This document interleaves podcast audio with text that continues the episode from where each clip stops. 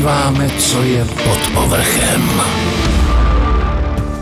Mým hostem je Jindra Krásek a za slovem je a tvým jménem mám tři tečky. A tam ti dám asi prostor, abys doplnil, co si teď vlastně nejvíc. Kadeřník, profi model, astrolog nebo jak by se uvedl? Ahoj. Uh, zdravím, děkuji za pozvání. Uh, já bych se asi určitě charakterizoval všema těma třema profesema, protože vlastně astrologie, modeling i kadeřnictví jsou vlastně takový součástí mého života. Uh-huh. Teď vnímám v rámci svého života asi teď především tu astrologii.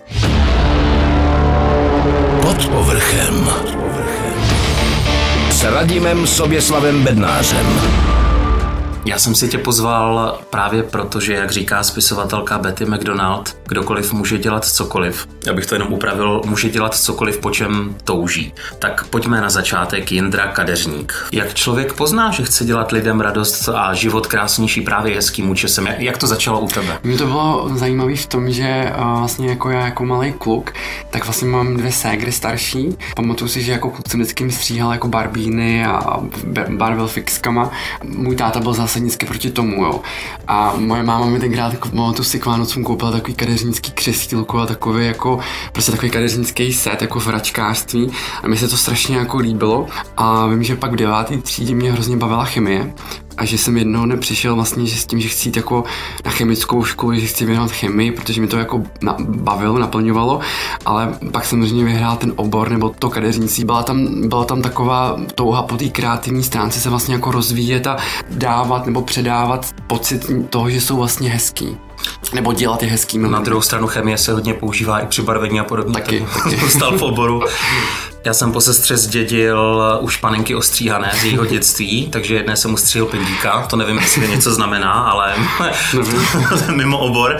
Um, když už jsi začal na sobě pracovat v tomto oboru, šlo ti to hned všechno, nebo si v nějaké konkrétní disciplíně eh, kadeřnické pokulhával? Co ti nešlo? Já jsem nesnášel pánský kadeřnictví, mě to vyložení nebavilo. Prváku jsme měli uh, holení a vlastně učili jsme se holit a mě, ne, mě nebavilo to ta pánská, to pánský kadeřnictví. Ve druháku, když už člověk jako trošku něco uměl a už měl takovou tu uvozovkách tu praxi a pak přišly otázky soutěží, tak to mě vlastně začalo nesmírně vlastně jako naplňovat. Věděl jsem v tom, že, že se v tom, v tom oboru vlastně člověk může furt jako rozvíjet dál a dál. Jak se to stane, že se český kadeřník na čas stane kadeřníkem v New Yorku?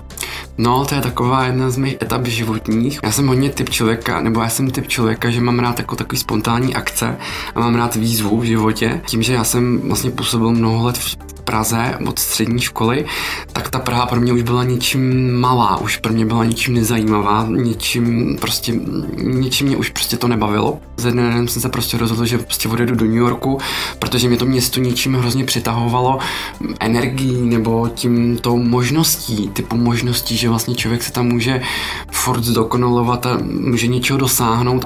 A já jsem vlastně ze dne na den skončil v práci v kadeřnictví a sebral jsem si, byl jsem si kufry, koupil jsem si letenku a odjel jsem vlastně odjel jsem vlastně do New Yorku. Pamatuješ si svůj první dojem, když si poprvé New York viděl a vnímal jako návštěvník? Pamatuju, já to vlastně na to nikdy nezapomenu. A já jsem neměl řeč, já jsem neměl jazyk, neměl jsem vůbec nic. První příhoda se mi ven stala vlastně na letišti, protože procházíš vlastně tou kontrolou a ptají se tě a pamatuju si, že hodně mých kamarádů mi říkalo prostě všechno odkejvej, ale jako jo, jo, jo. Ten člověk, co kontroloval vlastně pás a doklady, tak se mě něco ptala a teď udělala takový jako výraz, jako že se zarazila já jsem prostě jako vůbec nevěděl, o co se jedná. Kluk, co teda byl za mnou, Čech, tak vlastně se, se ptal, že ona se mě ptá, jestli mám u sebe zbraň. Opět si říkám jako, ne, to vůbec ne, takže to byl už takový první jako šok. Já jsem cítil strašně velkou takovou svobodu, takovou energii vlastně svobody a vlastně nezávislosti, že jsem daleko od domova, daleko od rodičů, od všeho. Bylo to v létě, bylo to 30. června, bylo strašný vedro, rozpálená silnice, já jsem vlastně čekal asi 8 hodin na tu holku, u který jsem vlastně měl bydlet. Teď člověk nezná tu řeč, neví, kde je, kde, kde vlastně byl obchod s jídlem, s potravinami a prostě nic, jo. A, jo. Takže ten první dojem byl takový jako někde ve mně, ve mně bylo jako, že já chci domů, jo, ale pak si říkám, proč? Já chci něčeho dosáhnout, já chci nic, něco v tom životě dosáhnout. To už byla taková ta první stopka, no. Jako ten, ten prvotní šok z toho města byl super, byl velice pozitivní, taková svoboda, ale ten druhý šok byl si žití s tím městem, no. Takže nejdřív to bylo wow mm. a mhm. potom wow, mm. asi tak. Pod povrchem. Pod povrchem. Najít si tam práci asi není žádná legrace, zvlášť v tomhle oboru. Není to, není to jednoduché. Musíš mít v tom zvaně tak jako kliku a vědět, na koho se máš obrátit, nebo pokud ten zaměstnavatel vlastně v tobě vidí potenciál a vidí v tobě, že jsi dobrý, a že máš chuť se rozvíjet, tak do tebe investuje vlastně ty peníze, ale pokud v sobě nemáš potenciál a nemáš v sobě nic, tak eh, je to takový risk. Já se možná k tomu dostanu, nebo bych se dostal později, vzhledem k tomu úvodu, jak si uvedl New York a proč mm-hmm. tam cestoval. Už jsi změnil názor v rámci toho, že Českou republiku vnímáš jinak? Je už ti to líp? Uh, já mám samozřejmě Českou republiku rád. To určitě jo, mám rád svoj, svoje rodné město, svoji rodinu, ale um, já se tedy, já musím říct, že já se tady třeba připadám jako v kleci. Do jisté míry, jo, samozřejmě a to je i postupem věku, jak člověk jako vidí vlastně jiné možnosti a jiný, jiný životní věci, tak samozřejmě v rámci toho věku se to i mění, ale furt mm. mě to tam vlastně táhne do té ciziny, nebo prostě furt tam mám ty vazby, furt tam mám ty kamarády, furt tam mám takovou hezkou energii pro mě. Tam si vlastně připadám jako urvaný od řetězu. Podobně jako třeba taxikář, moje zkušenost, ne, že bych to dělal, ale mm-hmm. mám pár známých, je i kadeřník takový malý psycholog. Mm-hmm. Mýval si spíš klienty, kteří chtěli při tvorbě účesu vypnout, to se stává mně, že já jsem schopný usnout po náročném týdnu a, a mlčet, anebo pusu nezavřeli až do konce. Je to strašně individuální, protože ty lidi jsou různý typy lidí samozřejmě. Jo. Jsou lidi, kteří přijdou, chtějí si sednout, jsou lidi, kteří vlastně ti vykecají tu díru do té hlavy, že vlastně chtějí.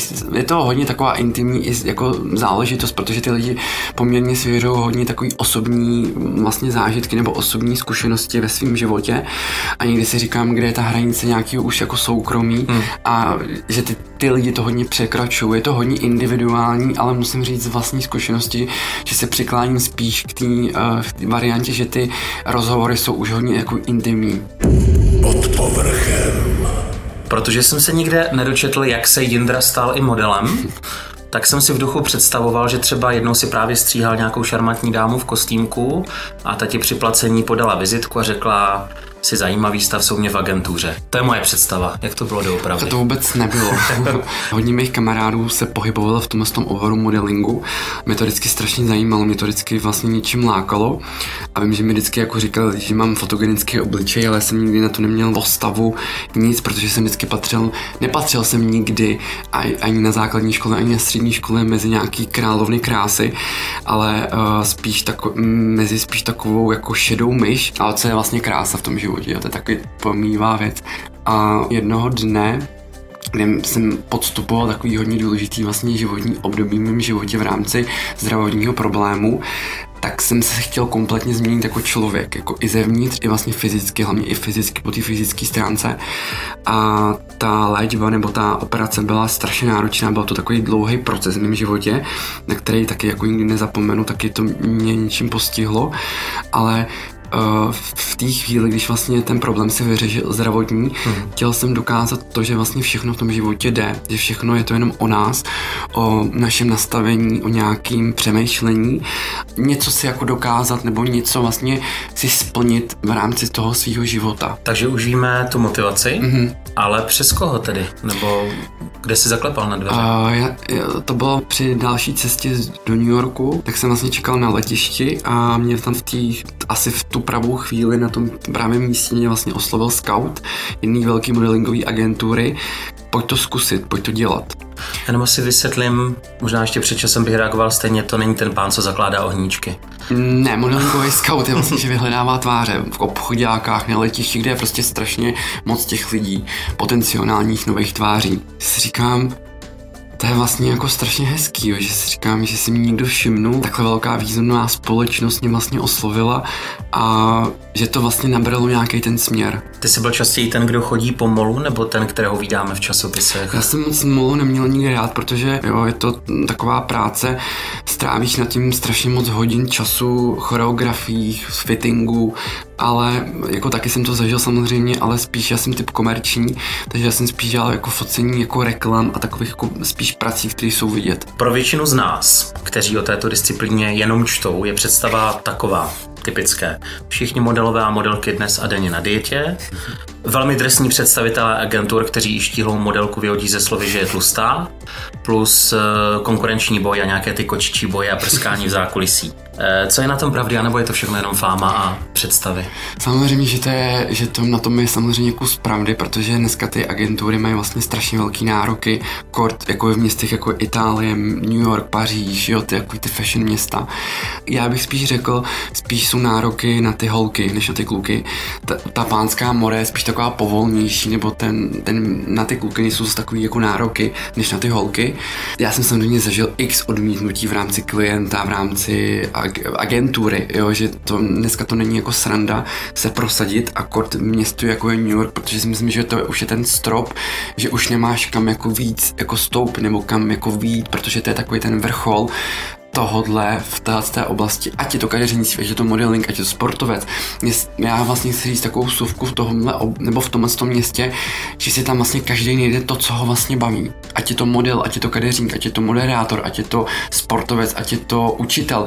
Prostě každý se tam může prosadit, každý tam prostě může najít nějaké to svoje štěstí v tomhle tom oboru taky jsem zažil prostě konkurenční boje, jo, že opravdu uh, ty kluci jsou nebo i holky si há, hážou klecky pod nohy, nebo je to prostě boj, je to prostě boj jak v džungli a nějakých diet a takových znám to, jo, jako znám to, že taky jsem jako občas před nějakým důležitým focením taky prostě jsem nejet, nebo že jsem opravdu třeba jet jenom těstoviny, nebo rejži. Pod povrchem. Když jsem slyšel, ty jsi to už možná naťukl, že na rozdíl od jiných profesí, v modelingu jsou lépe placené ženy než vy muži. Stále to platí a pokud ano, kde je podle tebe zakopaný pes? Je to právě, že ta míra stresu je menší nebo? Já nedokážu takhle říct, ale prostě ty, mm, je, prostě mám pocit, že jako v rámci dnešní doby jsou víc ty práce pro ty holky. Většinou jsou hodně obsazované vlastně ty holky, ale zase třeba agentury, které třeba neměly před x lety otevřenou pánskou divizi, tak dneska ji vlastně už odevírají, protože vidí v tom nějaký směr, ale furt ty rejty nebo ty finanční nebo ty honoráře pro ty kluky nejsou zas tak jako dostačující jako na te, nebo jako, jako pro ty holky. Je to strašně jako individuální záležitost. Není to samozřejmě, když ten člověk začíná nová tvář, tak nikdy nedostane honorář jako člověk, který to dělá třeba 12 let jo, hmm. tak to samozřejmě jako je rozdílný, jo, ale, ale je to o klientovi, je to o tom, co ten klient, co je vlastně ochoten zaplatit za tu práci toho člověka. Co ti všeobecně tato zkušenost ve světě krásy nejvíc dala nebo vzala? To nechám na tobě na posouzení. Asi možná obojí. Uh, určitě mi dala neuvěřitelně zkušeností potkání se vlastně s profesionálníma fotografama, s modelkama, s českýma top modelkama, uh, práci vlastně sám na sobě. Uh, vzala mi hodně mýho volného času, být třeba chvíli sám ze sebou, protože ta práce je hodně náročná, kort zahraničí, a je to, takový, je to takový stres. A mám to rád, pro mě to byla výzva. Pro mě tyhle ty věci byly vždycky, vždycky jako výzva a posunutí se někam dál, ale jak říkám, já jsem potkal v rámci tohohle, tohohle mm, světa strašně moc, strašně moc zajímavých lidí, důležitých lidí, ať, ať to byla třeba jenom, jenom, že jsem třeba mohl být součástí party Vogue v New Yorku, jo, tak to bylo pro mě vlastně už výzva, jo, že jsem opravdu potkával lidi, kteří mě neustále posouvali vlastně někam dál, i když já jsem v té době vnímal jako, nevím jak to říct, jako který jsem vnímal v tu chvíli jako škodiče, jo, ale dneska vím, že to se mnou mysleli dobře. Hodně zajímavých zkušeností a hodně zajímavých lidí, kterými odevřeli oči skrze tento svět modelingu, že to není o tom jenom, že si stoupneš před foťák a usměješ se. Já jsem tu otázku neměl napsanou, ale eh, teď, jak jsi zmínil Party Vogue, mm-hmm. tak mhm. eh, zeptám se asi jako a potkal si osobně nějakou celebritu ze světa fashion a, a podobně? Mm-hmm. A dojmy případně já z jsem nebo vlastně, z něho? Já jsem vlastně potkal, nebo ode mě stála asi 50 metrů vlastně Anna Venturová, což je šéf redaktorka oh, oh, oh. mm-hmm na mě působila strašně pěkně, strašně příjemně. Já, já vím, že jako lidi z ní mají respekt, ale já opravdu musím říct, že na mě působila velice příjemně, velice tak jako klidně. Ona tam vlastně tak jenom jako proběhla, jo. A v rámci těle z těch celebrit nebo těle z těch top modelek jsem určitě spolupracoval nebo znal, poznal jsem osobně třeba Pavlínu Pořízkovou, Hanku Svoborovou, uh, vlastně z těch českých modelek Karolínu Kurkovou, mm. uh, Lindu Vojtovou, jo, takový ty top český modelky, které jsou vlastně úplně strašně fajn holky a nikdy nezapomenu vlastně na zážitek s Plavnou Pořízkou, která mi hodně dala. To byl vlastně rozhovor nebo ta konverzace strašně příjemná, to jak kdyby se třeba povídal se svojí mámou. Mm, to byl tak strašně lidský člověk a tak strašně příjemný člověk, že na to nikdy taky nezapomenu, na toto setkání. Pod povrchem. Pod povrchem. Teď kapitola třetí, protože v poslední době je tvé jméno spojováno hlavně s ezoterikou, astrologií mm. i výkladem karet. Mm. Mě osobně dokáže v životě překvapit už málo co. Eh, takže kolonka model astrolog mě nešokovala, ale spíš jsem si řekl, s tím si musím popovídat. Eh, Indro, kde byl ten první impuls, eh, znamení, že jsi řekl, tohle mě bude asi zajímat víc než jenom koníček? Uh, to si pamatuju úplně přesně, to bylo vlastně v dětství. Já si pamatuju, že já jsem jako dítě s mojí mámou vlastně chodil po kartářkách, po astroložkách a hrozně mě to zajímalo, protože moje máma měla doma moc knížek o numerologii, astrologii a horoskopě, tady vlastně všechny tyhle ty věci obsály s tou, s tou vědou. Mm-hmm. A vždycky mě to hrozně zajímalo ale já, nejsem, já jsem nikdy nebyl jako studijní typ a astrologie je věc, kterou musíš vlastně studovat, musíš ji pochopit, protože to není, teď to není jako, že bych chtěl schazovat kartáře, ale vlastně není to taková jednoduchá cesta.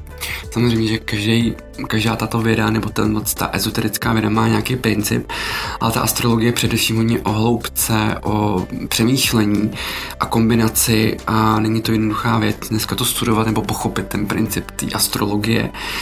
Ale vlastně zlomilo se to ve mně v tom pro počátku, že vlastně další moje cesta byla taky spojená s modelingovou cestou do Indie a tam je vlastně hodně věcí jako došlo co vlastně chci dělat v tom životě a jestli ta modelingová cesta je pro mě to pravý v tom životě. Ale čteme si myšlenky, protože další otázka ji přečtu tak, jak ji to mám napsanou. Eh, co je tedy pro tebe astrologie? Je to věda nebo je to zkušenost předků? Protože zatímco, jak už si říkal, nějaký ten dar, který někdo má od jak živa, tak eh, v astrologii se musíme naučit spoustu věcí. Mm-hmm. Člověk se tam musí naučit to, že někomu pomáhá a je považován za v uvozovkách mm-hmm. věštce. Když si vzpomeneš třeba na filmy Císařův pekař, že, tak vlastně Rudolf II. už měl taky svého astrologa. Takže vlastně ta věda už si myslím, že je mnoho letá a pokračuje dál, vyvíjí se dál. A samozřejmě, že to není o tom jenom, že půjdeš studovat astrologii a, a vyjdeš z, z toho kurzu a když dělal astrologii, to, mě to takhle teda jako nebylo. Spíš to bylo o praxi, o pochopení, poznání, kombinaci. Z mojí strany je to o tom, že vlastně je to o praxi musíš to hodně pozbírat, musíš se s tím zžít, musíš vlastně vědět, jak to funguje, jak ten princip vlastně funguje. Protože jsem se v tomhle světě taky hodně výrazně smočil, tak se chci zeptat na věc, která mi potom později hodně ležela v hlavě. Astrologie, jak už jsme si řekli, je v mnoha věcech prostě daná. A řada lidí si říká, že každý z astrologů eh, mu ten horoskop musí přečíst a vyložit úplně stejně, protože ty věci tam prostě vidí, jak jsou mm. dané. Jak ale asi víš, tak většina vidí sice ty věci stejně, ale vyloží si je po svém. Mm. S některými aspekty vůbec nepracuje, někdo mm. řeší a někdo neřeší třeba Černou lunu nebo mm. Chejrona. Mm. A občas diskutují astrologové mezi sebou jestli to je nebo není důležité a podobně. Takže jak to vnímáš ty? Proč každý vidí krapet něco jiného a jestli se toho pochybovači nemůžou dotknout. Já jsem třeba zažil příklad, že jsem studoval tenkrát astrologii s jednou paní a tam mi vyloženě, řek, řekla, já jsem si vybrala Marsa, já jsem si vybrala Venuši, protože to nechci vidět. Já vlastně viděla jenom ty pozitivní vlastně barvy v tom horoskopu, což takhle prostě nefunguje. Ten součást toho horoskopu jsou všechny, jsou to planety, jsou to body, jsou to karmický uzle, je to ta černá je to chiron, takže vlastně všechno má ten princip v tom horoskopu, astrologie, nebo já hlavně vnímám astrologii o kombinaci domů, znamení, zabarvení domů, není to o jednom úsudku, ale o kombinaci a vlastně skládání toho obrázku v tom našem životě. Všechno má prostě svůj význam, jako má Saturn, jako má Slunce, jako má Uran, jako má Černá luna, jako má bod štěstí. Prostě všechno v tom horoskopu má jistý princip. Teď nemusíme specifikovat vůbec měsíc, mm-hmm. den ani čas, kdy si tady spolu povídáme, ale z těch eh, nejzásadnějších věcí, eh, které se teď, teď zrovna nahoře odehrávají, no. co se teď podle planet všeobecně dole na Zemi nejvíc řeší nebo řešit má? Nejvíc se řeší vlastně Uran, který je vlastně v Bíkově, což je Uran je revoluce, Uran je změna, rychlá planeta, Bík je stabilita, že jo? takže on vlastně se tam, znamení Bíka se vlastně necítí v tom Uranově, protože Bík je jistota, je to zázemí, je to hmota a tluče se to tam, což jsem vlastně už říkal v roce 19, že nastane ekonomická krize nebo problémy s fin- po té finanční stránce, protože uh, bík jsou peníze, bík jsou reality, bík je prostě hmota, takže mám pocit, že v rámci 6 let, kdy vlastně ještě Uran bude v Bíkovi, budeme zažívat tyto situace spojené s tímhle s tím tématem. Pod povrchem. Kdybych si objednal takovou konzultaci od A až do Z, co mě tedy čeká, jaký je tvůj pracovní rituál? Začínáme, vždycky začíná se nativním horoskopem, což je vlastně tvoje datum narození, tvůj čas narození a místo, kde jsi narodil. A na základě toho vlastně, protože ta nativita je hodně důležitá, tam vlastně vidíš obsah toho člověka, jaká nejdůležitější část v tom horoskopu je pro něho ten smysl toho života. Pro někoho to je osobnost, pro někoho to je kariéra, pro někoho rodina a tak dál. A pak se samozřejmě eh, zjišťuje transitní horoskop, což je ta budoucnost, což se vlastně všechny zajímá. A já to vnímám na náhledu deseti let. A pak samozřejmě je tam ještě synastrie, což je partnerský horoskop, vlastně porovnání datum narození vlastně obou dvou partnerů. Tví klienti se teď, nebo ne teď, ale všeobecně ptají na co. Chtějí většinou spíš celý vhled, až do Z, anebo krouží kolem konkrétních oblastí častěji, to znamená vztahy, práce, finance. 99,9% to jsou vztahy. Jo, vztahy prostě se budou řešit pořád a s ním vlastně věcí podstatě neřeší podle mě tuto, tuto situaci teď, co se třeba děje aktuálně v České republice, ale řeší především sami sebe a řeší vlastně vztahovou část. Narážíš taky na, jak to říct, lidi na ezoterice de facto závislé, kteří se potřebují radit prakticky o já to, já to dám do úvozovek každém nádechu mm-hmm. svého života. Znám to, nebo samozřejmě, že jsou takový lidi mezi náma. Potkám tu prvou lásku, potkám toho prvního chlapa, kdy to bude. Je to hodně spojený s netrpělivostí a že já to vnímám třeba takhle. Já osobně si myslím, že astrologie pouze jakýsi směr, je to pouze jakési vodítko, který máš jít třeba tím životem, když třeba seš, nejsi si jistý, jakou životní cestou se máš dát, nebo jakým směrem se máš dát, tak ta astrologie ti může poodkrýt, jakým směrem třeba se máš dát. Ale není to o tom, že, že se na to budeš upínat, že Karásek řekl, že potká za dva roky prostě osudovou lásku. To je hlavně o nás toto je vlastně jenom o nás, o naše nastavení a když někdo bude chtít, toho člověka může potkat třeba za 14 dní. Jo, protože když je to od planet, které jsou osobní, tak se to může a nemusí stát.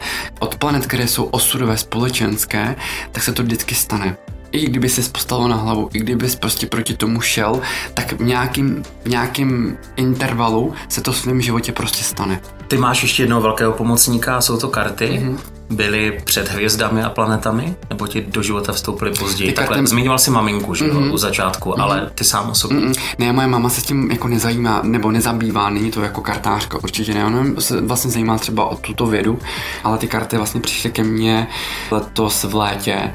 Já jsem chtěl hledat karty, astrologického rázu. Ty karty mi vlastně pomáhají k tomu do výkladu, když si nejsem ničím úplně jistý, tak mi vlastně pomáhají k tomu do výkladu. A já jsem měla vlastně možnost, že jsem potkal vyloženě autorku, která ty karty vlastně vyrobila i vymyslela. E, zažil jsem spolu hrozně hezkou, hrozně hezký setkání a, a vlastně ty karty mi dala. Byly úplně poslední, protože ty karty už se dneska nedají sehnat a já si toho nesmírně vážím, protože to vnímám jako zase další posun v tomto oboru. Pod povrchem povrchem. Znám člověka, který má ten dar. A tahle dáma mi říkala, teď mluvíme o kartách, jo, mm-hmm. že by de facto dokázala výklad i bez karet, eh, nebo třeba z Pexesa, to, ře- mm-hmm. to řečeno s nadsázkou, ale když už se klient zeptá, tak v podstatě ona už vidí ten příběh před sebou. Mm-hmm. A ty karty samotné spíš pomáhají hlavně mm-hmm. těm, kteří přijdou se ptát, aby, aby na tom stole třeba viděli něco hmatatelného, že je to dáno na nějakém obrázku. Mm-hmm. Vnímáš to podobně? Dá se já to, to říct? Eh, já si myslím, že určitě ano. Jsou, jsou mezi náma bytosti, které mají takzvaný dar od Pána Boha, nebo mají nějaké, na, nějaké znám, tady spousta těch lidí, kteří třeba dokážou číst jenom v rámci svého zraku. Eh, při téhle práci je určitě použít, nebo měla by se používat především tvoje intuice, na tom je to hodně taky stavěné. Ty karty jsou vlastně takový jenom ukazovatel, nebo čeho se máš třeba držet, nějaká osnova, jako ty máš teď scénář a držíš si nějaké osnovy, tak ty karty jsou podle mě jenom taková osnova, ale především je to hlavně o tvé intuici a dokázat se vlastně napojit na toho člověka, využít především toho svého daru a vlastně té své intuice. To je tam nesmírně důležitá. Já jsem tě osobně objevil jako člověka v online světě. Své výklady sdílíš i na internetu. Mm-hmm. Vzniklo to v době karanténa, opatření ve státě, nebo se pro tuhle formu rozhodl Ne. mnohem dřív? Já jsem vlastně ten YouTube svět začal dělat v roce dva- 2019 v létě. Já jsem vždycky tomu byl vůči tomu takovej, že mi to přišlo strašně směšný, jak tam někdo může vykládat karty a, a jako dělat nějaký predikce a přišlo mi to takový prostě směšný. Ale vlastně já už jsem se nerozvíjel po své pracovní stránce, já jsem byl zas, zaseknutý na jednom bodě. A modeling stál, nebylo to tak, jak jsem si představoval, jo, ne, ne, necítil jsem tam ten posun a já jsem potřeboval nějaký impuls sám sobě a ně, nějak se prostě rozvíjet zase dál. A v tu chvíli mi vlastně přišla tady tahle myšlenka rozvíjet tu astrologii a jít s tím na trh a nabídnout vlastně divákům úplně něco jako jiného a vlastně bejt svým způsobem hodně lidský a dávat ty výklady a hlavně sám ze sebe něco a podat to tím směrem, aby to především pochopili ty lidi. Aby je to nějak nasměrovalo, aby je to něčím inspirovalo. Protože si myslím, že každý máme nějaký v sobě nějaký životní příběh a že máme něco, nějakou zkušenost, ale je to hlavně o nás, o našem nastavení a- a rozvíjet se dál. Je hezký, když někdo ti i pochválí za něco, že jsi něco dokázal. Tvoji příznivci vlastně i ocení to, že seš jaký seš. A může to být o tom, že seš třeba prostořekej, že jsi originální, že jsi autentický, že třeba perfektně nemluvíš, nebo že uděláš zádrhel, ale ty lidi to prostě přijmou, protože, jak jsem říkal, já se snažím dávat do těch výkladů nebo do těch vysílání především lidskost a hlavně, aby ty lidi z toho čerpali. Takže vnímám to, že bych chtěl se posouvat i v modelingu, i vlastně v té astrologii dál a dál. A co sny cestovatelské, ten pomyslný řetězek jsme se bavili, Mhm. mm-hmm. protože tam si člověk asi taky hodně rozšiřuje obzory, tak eh, kdyby se teď najednou ze dne na den všechno uvolnilo, jakože doufám, že brzy zase ano, kterou zemi hodláš určitě vidět, ještě co si hodláš odškrtnout. Určitě mě třeba láká Austrálie, určitě mě láká Jižní Amerika jako Argentína. Si myslím, že je zajímavá kultura. Mě vlastně v podstatě lákají všechny ty země, protože každá zem, každá kultura má svoj, svoje kouzlo. Mým hostem byl Jindra Karásek, mladý muž, který je důkazem toho, že člověk si má jít se svými sny a hlavně svou eh, životní zkušenost nebo spíš poslání teď předává dál, takže Jindro, bylo mi a doufám, že ještě někdy bude ctí a děkuji za rozhovor. Já taky moc děkuju za pozvání a přeju všem posluchačům hlavně hodně štěstí. Pod povrchem. S Radimem Soběslavem Bednářem.